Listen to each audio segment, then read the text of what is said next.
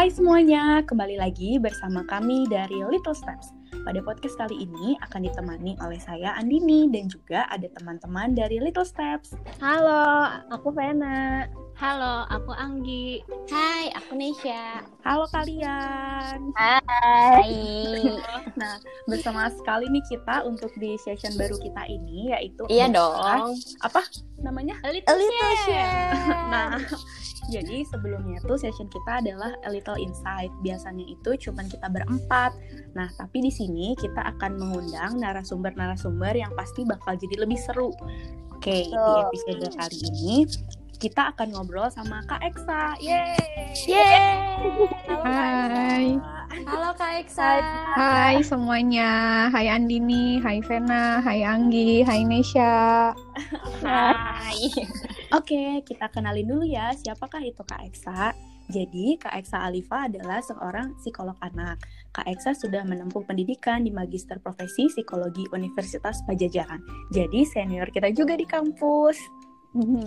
Nah, karena sudah selesai menempuh pendidikan tersebut, Kak Eksa ini sudah memiliki kewenangan untuk melakukan praktik psikologi, khususnya di klinis anak ya, Kak? Ya, betul sekali. Oke. Dulu waktu S1 Kakak kuliah di mana? Ah, dari Unpad juga. Sama ya. Kita juga. Ya, kita nih yang belang-belang. Iya, karena dari Beda-beda. udah saya udah kenal Jatinangor lama ya kak. Iya, iya.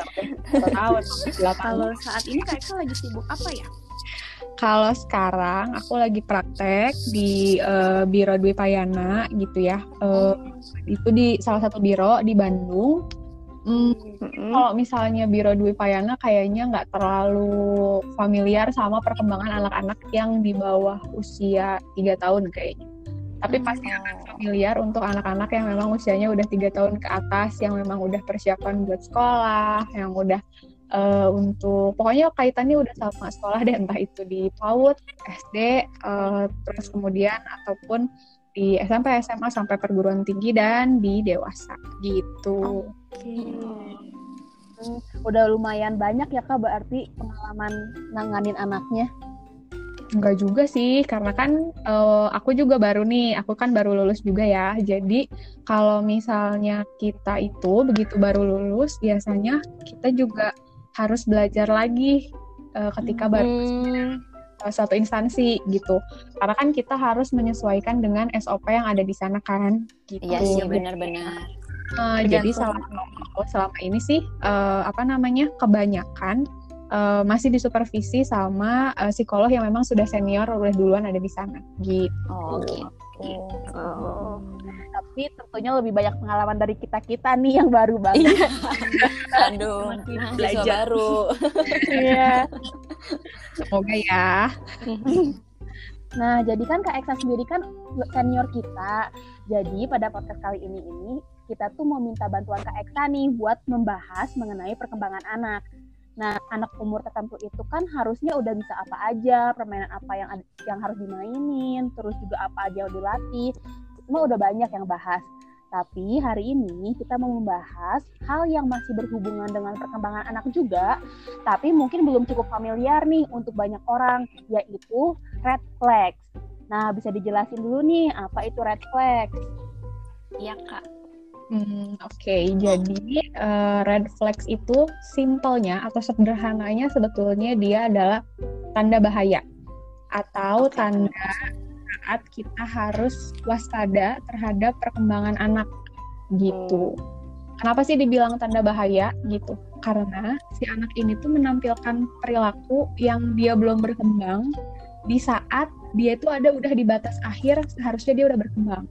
Contoh ya, yang lebih gampang. Heeh. Misalnya berjalan itu kan normalnya di usia 10 sampai 18 bulan. Ada Hmm. yang di 10 bulan udah jalan, 12 bulan udah jalan, 16 bulan udah jalan. Tapi ada nih anak-anak yang di- udah di 18 bulan, tapi sama sekali belum bisa jalan. Nah, ketika udah ada di batas akhir usia ini, maka ini dikatakan sebagai red flag atau tanda bahaya. Oh gitu. Tandanya sebenarnya kalau kegunaannya sendiri dari mengetahui tentang red flags itu apa sih kak? Nah, sebetulnya dengan kita tahu red flag, sebetulnya kita bisa tahu nih kapan sih sebenarnya eh, kita harus waspada sama perkembangan anak kita dan harus di Mhm. situasi seperti apa sih kita harus memeriksakan anak kita ke eh, petugas kesehatan gitu. Oh gitu. Kita juga jadi bisa lebih waspada hal-hal apa aja nih yang mesti kita amati di setiap eh, tahapan usianya gitu. Nah, perlu digarisbawahi juga ya, kalau misalnya anak menampilkan tanda bahaya, itu belum tentu anak terlambat. oh gitu. kalaupun terlam eh kalaupun ada ada muncul red flags nih tapi belum Mhm. tentu tandanya terlambat banget gitu ya kak. Belum, ya belum tentu. Karena kan dia masih di batas akhir usia 18 bulan kan. Heeh. Jadi masih ada Oh. rentang usia satu bulan untuk dia lebih dari usia akhirnya gitu, usia si batas. Oh. Tapi kenapa kita harus udah mulai waspada? Karena tanda bahaya ini sebenarnya tuh bisa jadi tanda ada sesuatu di perkembangan anak kita. Mhm. Itu tanda karena orang tuanya kurang stimulasi. Atau bisa jadi juga ternyata anak kita tuh punya kondisi medis lain yang gejalanya ditunjukkan dengan lambatnya perkembangan dia di area itu gitu. Oh gitu. Tandanya sebenarnya orang tua juga atau ya kita kita gitu harus tahu sebenarnya kayak apa aja sih eh, tahapan-tahapan eh, anak harusnya udah bisa apa aja kayak gitu ya kak tandanya ya. Betul, karena kan sering banget ya denger nggak sih misalnya orang tua tuh bilang, aduh anaknya udah umur 2 tahun nih tapi belum bisa ngomong, tapi dia udah lancar banget nih larinya, nggak apa-apa lah, mungkin dia mah lari dulu atau jalan dulu, mungkin Mm-mm, ngomongnya iya nanti." iya benar-benar. Nah, kadang tuh pemikiran-pemikiran orang tua yang kayak gini tuh malah sebenarnya justru bikin orang tua tuh tersesat gitu. Orang tua tuh malah kebanyakan jadi galau sendiri gitu. Ini anaknya normal nggak ya? Kok anak lainnya udah bisa, anak aku belum? Terus belum lagi kalau diomongin sama mertua, diomongin sama tetangga. Iya gitu iya kan. benar-benar. Di saat orang tuanya galau sendiri, kadang orang tua tuh justru nggak sadar kalau misalnya sebenarnya anaknya tuh lama-lama makin terhambat loh. Kesulitannya tuh makin besar loh di si anaknya. Terus giliran udah sadar, eh udah telat banget. Salahnya udah jadi ke mana-mana banget si anaknya. Yang awalnya nggak bisa ngomong, eh kok jadi gampang marah, kok jadi emosian gitu. Makin jadi susah buat ditanganin gitu. Oh gitu. Itu kenapa? Tandanya Kita butuh tahu red flags perkembangan anak biar nggak ada nih yang kayak gini-gini drama-drama kayak gini gitu. Hmm. Tapi sebenarnya secara gamblangnya gitu kak, gimana sih kita bisa tahu kalau perkembangan anak ini tuh dikategorikan sebagai red flags atau sebenarnya bukan red flags gitu kak? Uh, simpelnya sih sebenarnya kayak tadi ya, kalau kita udah tahu uh, patokan usia uh, seharusnya si anak mencapai perkembangan tertentu, kayak tadi misalnya, jalan itu usia 10 sampai 18 bulan. Kalau 18 bulan dia belum bisa jalan, itu udah red flag. Jadi kan itu di batas akhir usianya. Gitu kan. Mm-mm. Atau kalau memang ingin tahu patokan yang lebih detailnya, sebenarnya itu cari di Google pakai keyword red flags perkembangan motorik misalnya. Atau Oh bisa. bahaya perkembangan bahasa itu sebenarnya itu bakal muncul uh, keluar patokan-patokannya gitu sebenarnya. Uh, misalnya tuh kalau motorik misalnya kalau usia 12 bulan sama sekali belum merangkak misalnya itu udah tanda bahaya. Nah itu tuh di Google tuh kita bisa search cari-cari gitu. Jadi orang tua akan lebih mudah untuk cari gitu. Tapi kalau yang paling sederhana ya gitu. Kalau misalnya kita tahu informasi oh batasan usia uh, harus jalan tuh di usia 18 bulan. Berarti kalau misalnya di 18 bulan belum bisa, selanjutnya berarti itu udah masuk tanda bahaya nih gitu. Udah sebaiknya Hmm. harus dikonsultasikan sama petugas kesehatan gitu. Jadi sebenarnya kalau informasi sih ada tersebar banyak, cukup banyak sih ya kak ya kalau informasi. Nah kalau misalnya, maaf kalau misalnya anaknya menunjukkan red flags, kita harus gimana nih kak? Harus segera konsultasi sama petugas kesehatan. Dan ini hukumnya wajib, gak boleh ditunda-tunda. Oke itu garis bawah ya kak ya. Iya, wajib. Wajib. Kenapa sih gitu ya? Kenapa aku bilang itu sampai wajib banget kayak gitu? Mm-mm. Karena sebenarnya setiap hari itu perkembangan anak itu berjalan dengan sangat pesat gitu kan. Itu kenapa lima tahun pertama itu pasti kita bilangnya golden age ya kan? Iya betul betul. Karena kadang kita tuh nggak sadar gitu. Hari ini dia belum bisa ngomong apa-apa. Tiba-tiba besok dia kok udah ngoceh gitu. Eh kok Oh, iya. bisa bilang papa? Eh kok udah bisa bilang mama? Kok mulai banyak cerewet ya gitu. Kadang tuh perkembangan itu kan nggak disadari kan gitu. Nah Iya, itu benar. berkaitan sama perkembangan otak si anak yang memang lagi pesat-pesatnya banget gitu.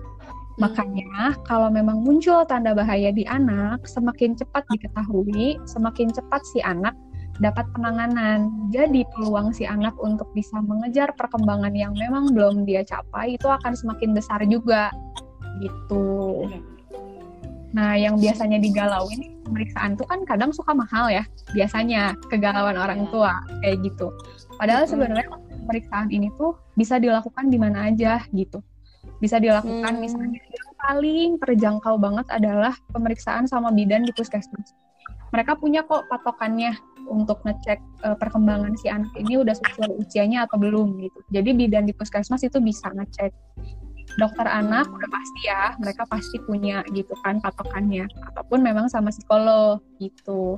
Nanti si petugas-petugas kesehatan ini akan ngasih tahu kok gitu. Anaknya kenapa kurang stimulasi kah atau ada kondisi medis yang lain. Terus kayak hal-hal apa yang mesti orang tuanya lakukan gitu. Kalau misalnya ternyata dicek di dokter, oh kayaknya ini uh, butuh bantuan psikolog nih gitu untuk misalnya uh, cara stimulasi yang tepatnya seperti apa gitu. Nanti akan dirujuk ke psikolog gitu. Atau bidan juga misalnya di puskesmas ini kayaknya ada berkaitan sama uh, medis deh. Misalnya anaknya belum ngomong gitu ya. Hmm, kayaknya ini takutnya ada gangguan pendengaran. Ya pasti akan dirujuk ke PHT anak gitu atau ke dokter spesialis. Oh iya iya jadi sebenarnya kalau udah nah, itu kan udah... pasti akan terjadi. Maaf kak, potong kak. Orang tuanya melakukan terus terus gimana kak? Iya kayak gitu. Jadi uh, sebenarnya hal-hal ini tuh bisa diketahui kalau orang tuanya hmm. segera konsultasi. Jadi sebenarnya emang kalau misalnya eh, kalau misalnya kan dia aku apa, ulangi lagi. Kayaknya aku jelek deh. Oh, putus. Ya, jadi hmm, kalau misalnya uh, orang tua segera mengkonsultasikan segala macam keraguan dengan perkembangan si anak, itu pasti uh, petugas kesehatan bisa membantu dengan seoptimal mungkin gitu jadi nggak sulit kok gitu untuk akhirnya sekarang kita memantau okay, perkembangan tandanya sebenarnya kalau anak udah menunjukkan red flags ya jangan ragu atau malah sebenarnya wajib ya kak diperiksain ke bagian kesehatan anak gitu ya. Oke. Okay. betul sekali. Okay, tidak boleh ditunda. Harus itu tadi ya kalau misalnya makin lama ditunda yang lainnya jadi ya, makin gede deh. Iya ngaruh kayak misalnya nih anaknya nggak bisa ngomong lah dia kan bakal susah ya dipahamin sama orang lain gitu. Nanti dia lama-lama frustasi gitu kayak ih kenapa sih aku tuh bilang kayak gini kok mama nggak ngerti? gitu. Kok teman-teman aku nggak ngerti? gitu. Lama-lama anaknya gampang emosi gitu malah jadi lebih susah untuk diatur gitu. Nah yang tadinya cuma masalah bahasa malah jadinya juga e, ngaruh ke masalah emosi si anak gitu. Jadi perilaku yang muncul juga bisa disertai dengan sering mukul-mukul hmm. lah, sering lempar barang lah gitu, barang banyak dirusak di rumah. Itu kan jadinya harus terapi perilaku juga gitu. Jadi akan ada banyak Karena banget bahas. padahal awalnya mulanya tuh hmm. mungkin cuma satu. Se-urgent itu berarti. untuk iya benar-benar. Se-urgent itu untuk memantau perkembangan anak.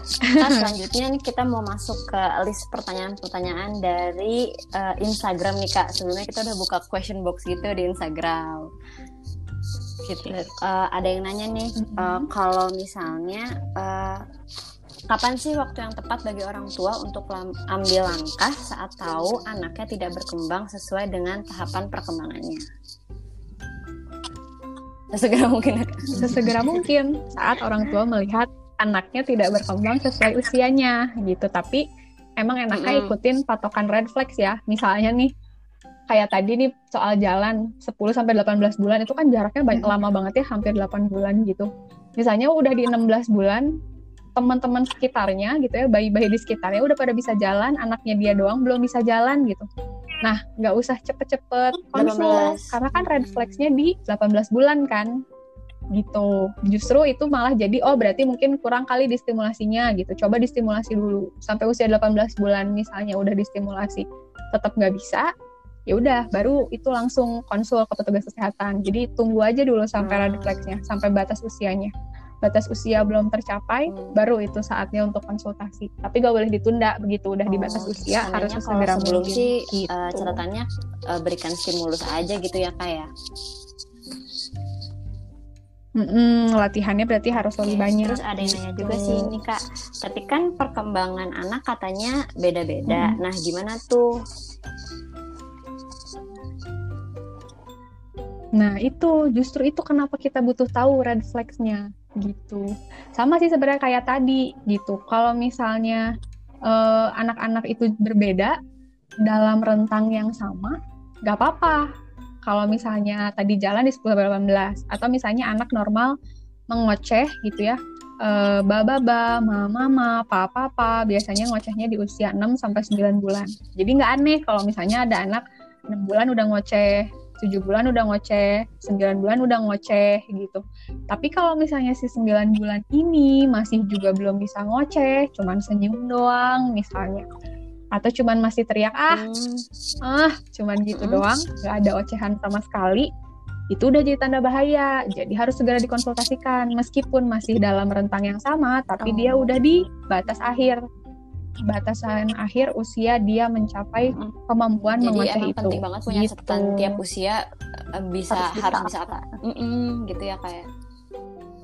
Oke. Mm, Ini betul, ada yang juga betul, nih kak, betul. kayaknya eh, agak langsung kasus gitu kak.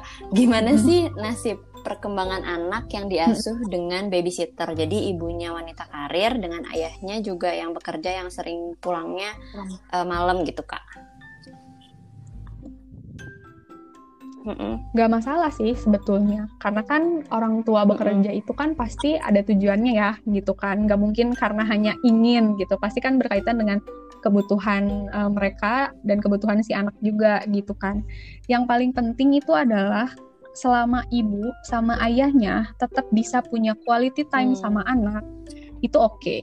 Kemudian rambu-rambunya adalah orang tua ini sebelum meninggalkan si anak dengan babysitter, babysitternya harus dikasih tahu dulu aturan yang memang harus dilakukan gitu. Babysitternya dikasih tahu apa sih yang boleh dilakukan sama si anak, apa yang nggak boleh dilakukan sama si anak, apa yang memang saat ini harus dilatih ke si anak yang harus lebih banyak distimulasi ke anak itu seperti apa gitu. Jadi sebenarnya komunikasikan dan kerjasama sama babysitter itu yang jadi penting banget gitu supaya perkembangan anaknya bisa terpantau dengan baik gitu.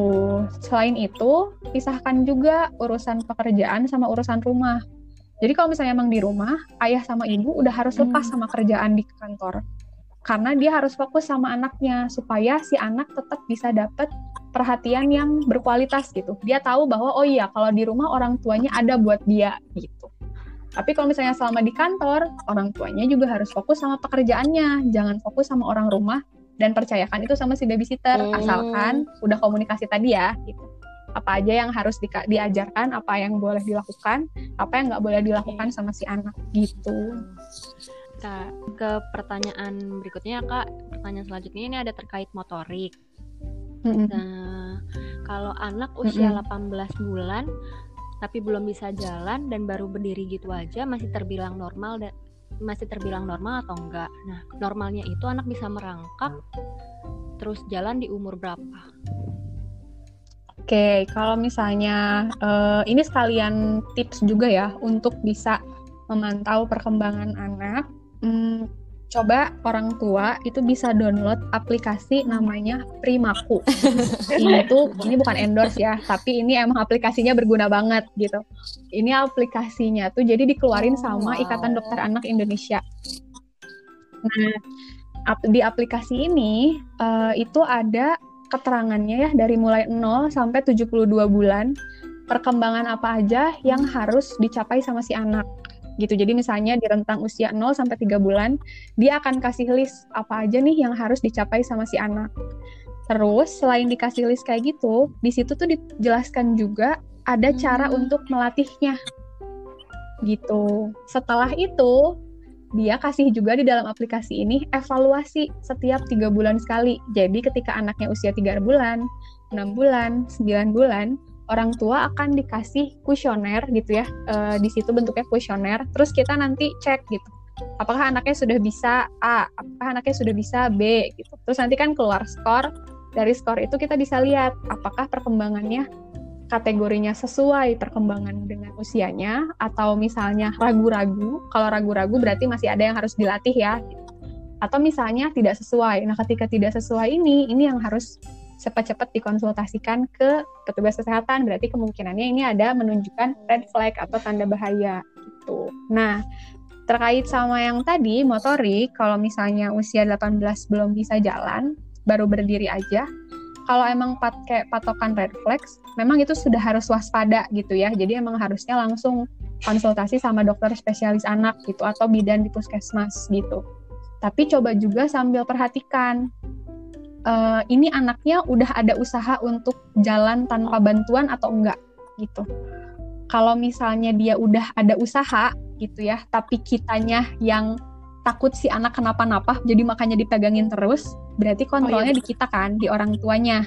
Padahal anaknya udah ada usaha buat jalan gitu, berarti kemungkinannya kurang distimulasi kan, kalau kayak gitu anaknya kurang dikasih kesempatan untuk jalan gitu. Tapi kalau misalnya udah segala cara dilakuin buat ngelatih anaknya jalan, tapi nggak ada perkembangan, yuk langsung aja periksain ke dokter spesialis anak atau ke bidan di puskesmas okay. gitu. Terus kalau soal merangkak, umumnya emang merangkak itu di usia uh, eh, 6 sampai 9 bulan gitu. Kalau misalnya di 9 bulan sama ya, kalau misalnya nggak ada sama sekali usaha dari dia untuk merangkak, itu udah jadi uh, red flagnya dia gitu. Jadi itu memang uh, harus dikonsultasikan. Atau boleh sih sebetulnya uh, latih aja dulu. Seminggu aja. Coba dilihat gitu dipancing gitu dikasih mainan di bagian depannya dia gitu. Suruh dia perangkak gitu. Agak jauh lah dari dia biar dia ada usaha nih. Kira-kira usaha dia apa gitu. Ada nggak gerakan untuk dia bisa merangkak gitu kalau misalnya emang ada mah masih nggak apa-apa bisa jadi tips buat orang tua cara untuk mancing anak ngerangkak gitu ya kak iya betul kalau anak nggak merangkak dan langsung bisa jalan itu sebenarnya masalah nggak sih kak? Hmm, yang harus diketahui itu adalah sebetulnya ini tuh bukan pencapaian yang jadi prestasi ya perkembangan anak itu. Tapi setiap tahapan perkembangan itu punya tujuan jangka panjang hmm. untuk si anak gitu. Nah, merangkak itu sebetulnya jadi salah satu cara untuk ngasih kesempatan anak buat dia bisa eksplor lingkungannya. Awalnya kan dia paling cuman eksplornya uh, sama mainan-mainan yang dia pegang gitu sambil tiduran cuman bisa guling-guling di kasur aja gitu. Terus duduk oh dia mulai bisa lihat nih sekitarnya tuh nggak cuman kasur loh gitu ada yang lain barang-barangnya. Ketika dia merangkak dia akan coba explore untuk lingkungan sekitarnya kan dia akan coba raih oh yang ada di depannya dia tuh apa ya gitu barang apa ya itu gitu ada kesempatan untuk eksplor lingkungan. Jadi dia akan lebih kenal sama lingkungannya gitu. Kemudian e, merangkak itu juga melatih otot-otot tubuh anak supaya nantinya dia bisa menopang tubuhnya dengan seimbang saat dia mulai berjalan gitu. Jadi sebetulnya banyak banget yang dipelajari si anak ketika merangkak. Nah, selain untuk memperkuat otot-otot tubuhnya, ini juga memberi kesempatan si anak untuk melakukan pengamatan jarak gitu. Misalnya nih, dia mau ngambil mainan jaraknya satu meter dari dia gitu. Terus dia lihat ini tuh jaraknya jauh nggak sih gitu. Aku mesti merangkak sejauh apa ya gitu. Cepat atau kalau lambat nyampe nggak? Terus kalau misalnya nanti di tengah-tengah capek, aku mesti ngapain? Itu kan memberi pelajaran dia bahwa ada hmm. pengamatan jarak ya gitu. Nah ini berkaitan sama efeknya apa sih yang nggak didapat kalau misalnya si anak nggak merangkak? Biasanya sering kali ditemukan anak-anak yang nggak merangkak itu otot-otot tangannya tuh jadi kurang kuat gitu. Jadi ketika misalnya nanti dia mulai main pakai pensil, entah coret-coret, entah itu mewarnai atau mulai nulis gitu. Jadi lemes gitu, gampang capek kalau megang pensil. Gitu.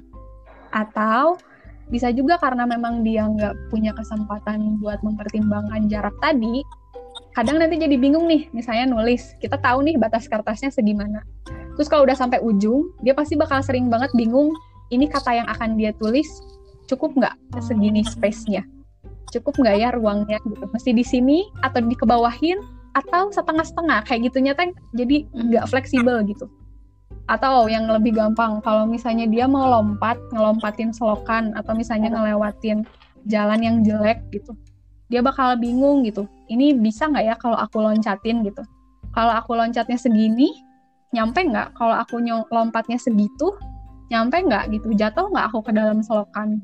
Nah, itu sebenarnya dampak yang terjadi ke si anak gitu. Jadi kalau misalnya menurut saya pribadi, sayang banget anak-anak yang memang nggak punya kesempatan untuk merangkak. Jadi sebenarnya sebaiknya memang distimulasi supaya dia mengikuti tahapan perkembangan yang memang sesuai dengan uh, usianya gitu. Supaya memang kesempatan dia untuk belajar lingkungan juga uh, lebih banyak gitu. Termasuk juga untuk dia bisa memperkuat otot-otot tubuhnya, menjaga keseimbangan tubuhnya yang memang ini tuh pasti akan jadi modal dia buat nantinya dia bisa belajar ketika nanti udah mulai sekolah oh. gitu. Dalam juga ya Kak ternyata masalahnya. iya benar. Kalau nggak dilakuin ya. Iya, jadi kepala cuman ngerangkak aja ya. Banyak banyak efeknya juga ternyata. Sekarang uh, pertanyaannya terkait dengan bahasa nih Kak anak udah kelas 2 mm -hmm. SD tapi masih suka ketuker beberapa huruf, wajar nggak sih kak? Kalau misalnya terkait dengan bahasa, satu hal yang perlu digarisbawahi adalah pastikan dulu apakah si anak punya hmm. gangguan pendengaran atau enggak gitu. Karena bahasa pasti yeah. berkaitan sama yeah. pendengaran ya gitu. Jangan-jangan si anak kelas 2 ini gitu ya selama ini tuh ketukar beberapa huruf karena dia nggak bisa bedain suara huruf yang satu sama yang lainnya gitu. Mungkin huruf-huruf kayak B D gitu. Kalau misalnya dia nggak bisa bedain suaranya dengan jelas bisa jadi kan sama ya gitu. Kalau misalnya tapi ternyata nggak kok nggak ada gangguan pendengaran gitu murni yang misalnya emang bener-bener sering aja ketukar bisa lihat juga uh, coba perhatiin lagi dia udah bisa belum ngebedain uh, bentuk-bentuk geometri dasar? Bentuk kotak bentuk segitiga bentuk lingkaran kayak gitu. Itu udah atau belum? Kalau misalnya ini belum lancar wajar dia kesulitan bedain huruf yang satu sama yang lainnya. Karena kan dasarnya untuk mengenal huruf itu harus paham dulu bentuk. Dia bisa bedain berbagai macam bentuk. Baru dia nggak ketukar-tukar hmm. gitu Uh, kemudian kalau misalnya umumnya gitu ya kelas 2 SD itu kan iya. sekitar 7 sampai 8 iya, tahun ya.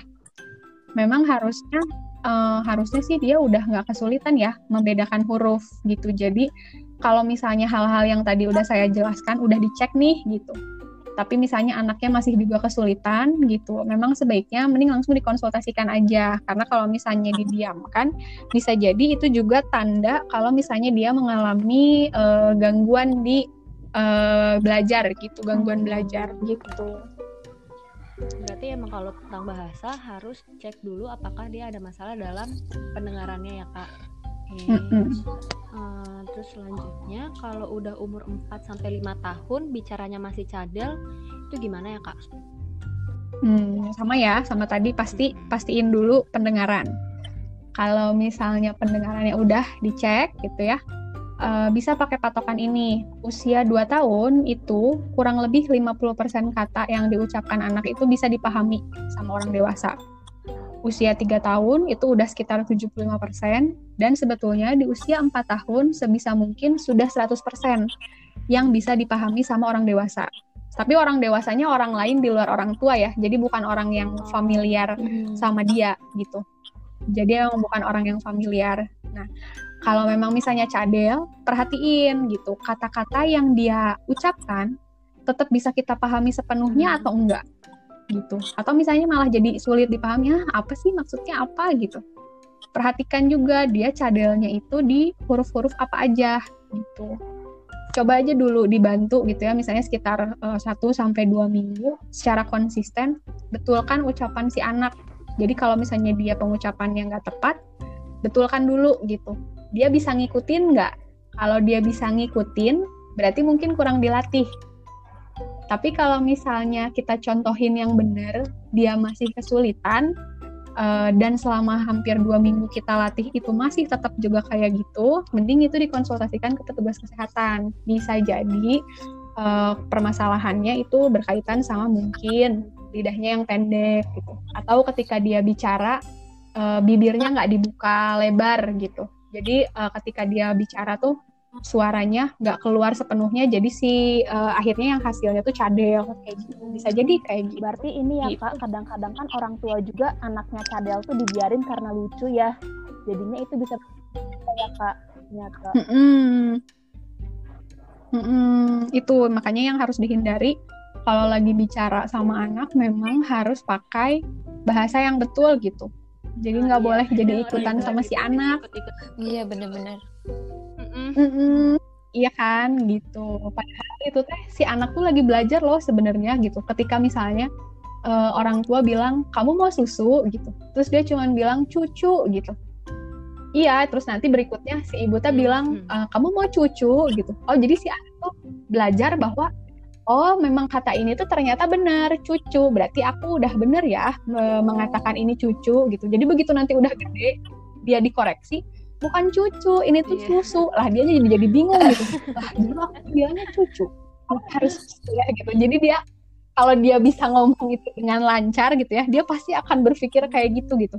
Nah, kemarin ini kok sekarang jadi ini gitu. Jadi sebenarnya ini tuh apa? Barang sama atau beda gitu loh jadinya iya kan malah jadi Iya. kasihan si anak ya jatuhnya Nah, kalau eh, pertanyaan selanjutnya kak, kalau misalnya anak jarang dengerin apa Hmm. yang disuruh atau jarang nyaut gitu kalau dipanggil, itu kenapa ya kak?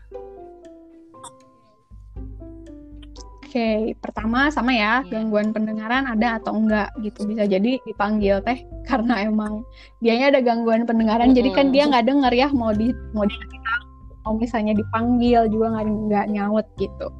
Kalau misalnya nggak ada, perhatikan ketika misalnya manggil nama atau ketika kita ngasih perintah, anaknya udah dalam kondisi siap atau belum. Jangan-jangan pas dipanggil jarak kita sama jarak si anak tuh terlalu jauh gitu jadi anaknya nggak bisa denger atau bisa jadi si anaknya memang lagi fokus sama suatu hal gitu jadi dia memang nggak dengar akhirnya sama eh, lingkungan sekitar dia nggak dengar karena dia fokus sama hal yang memang lagi dia kerjain gitu atau sama yang hal yang lagi dia mainin gitu jadi dia nggak fokus Eh, coba juga lakukan misalnya nih cek ya kalau misalnya kita manggil atau kita mau ngasih perintah bikin kontak mata dulu sama anak gitu. Jadi pegang mukanya gitu, pegang mukanya suruh si anak lihat ke kita gitu.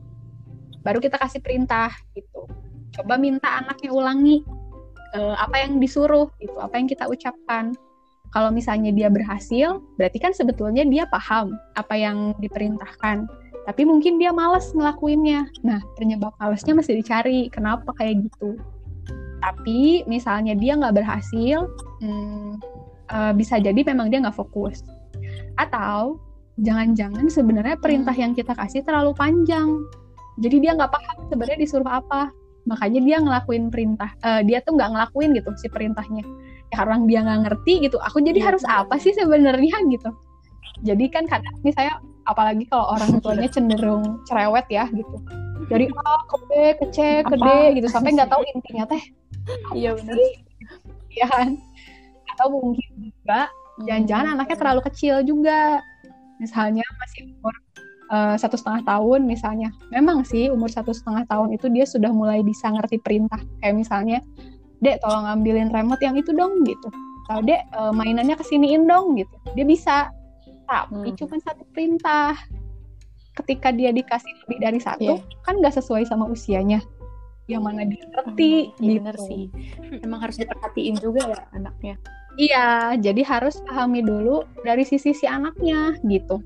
Pahamin situasi si anaknya, kenapa ya kok dia nggak nyaut ya gitu. Kan kebayangnya kalau misalnya cerewet juga dan banyak instruksi, kita juga pasti mager kan ya, kayak gitu. Kita mesti mikir dulu, ah yang mana yang mesti dikeluarin ini, kayak apa yang dikerjain sih gitu. A dulu, B dulu, C dulu. Mending kalau ketangkap semua A, B, C, D gitu. Ada aja yang ketangkapnya cuman A sama C gitu atau B sama D. Akhir-akhirnya salah lagi gitu kan.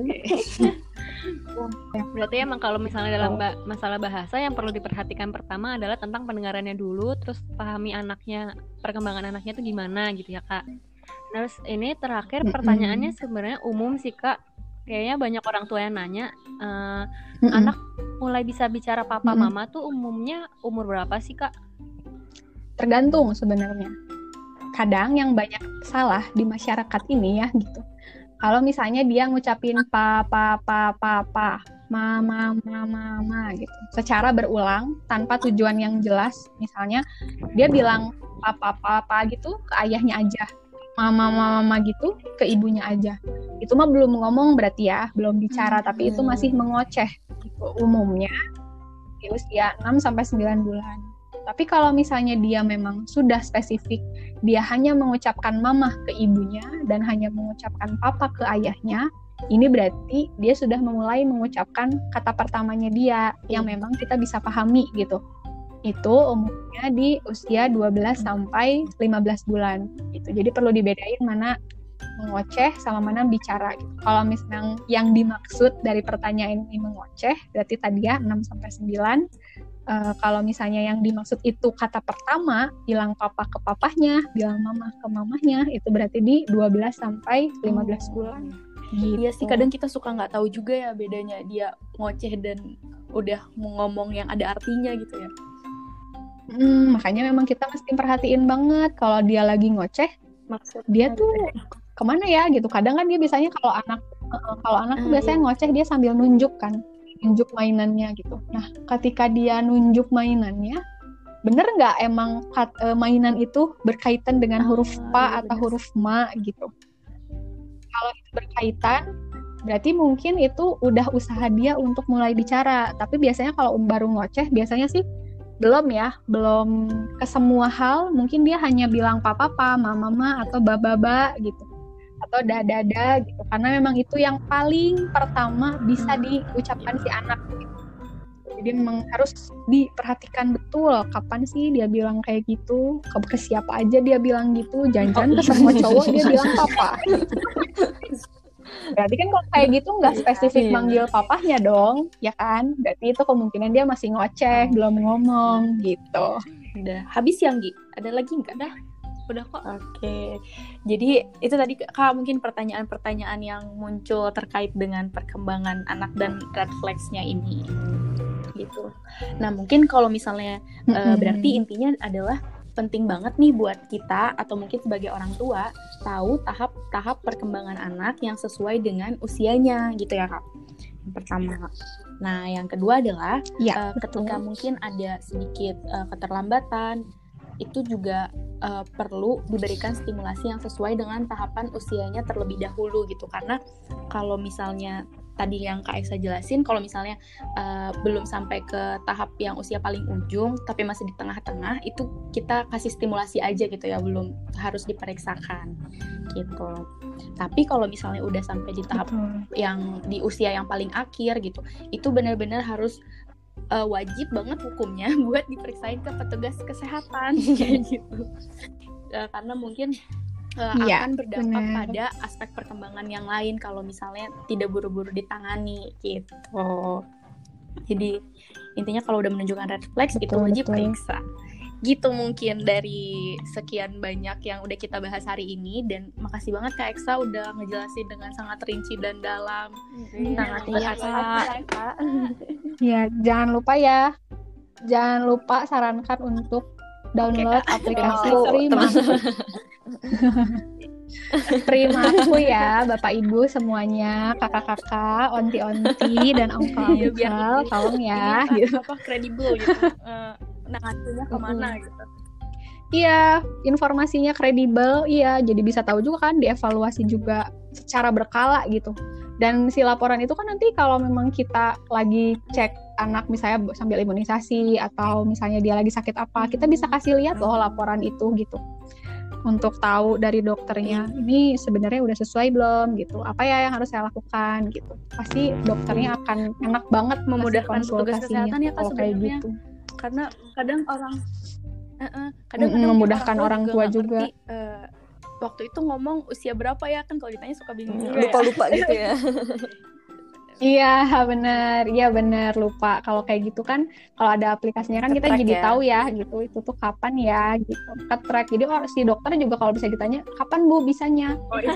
lihat aja lah nih pak aplikasi saya gitu. Ini loh kayak gini anak saya kayak gini gitu kayak dia kan jadi tahu kayak oh iya oke okay, berarti ini udah sesuai. Oh ini belum sesuai nih di sininya gitu kan. Jadinya orang tua juga nggak mesti galau-galau gitu. Aduh anak aku normal nggak ya? Aduh anak aku gimana ya? Kok belum bisa ini? Anak yang lain udah gitu kan. Biar nggak harus ada seperti itu. Nah, jadi gitu mungkin podcast uh, kali ini maksih banget buat ayah-ayah, bunda-bunda dan teman-teman yang sudah mendengarkan podcast kita sama Kak Eksa gitu. Dan juga mungkin uh, ini nih Kak Eksa juga sering banget nih sharing ilmunya khususnya soal psikologi anak gitu.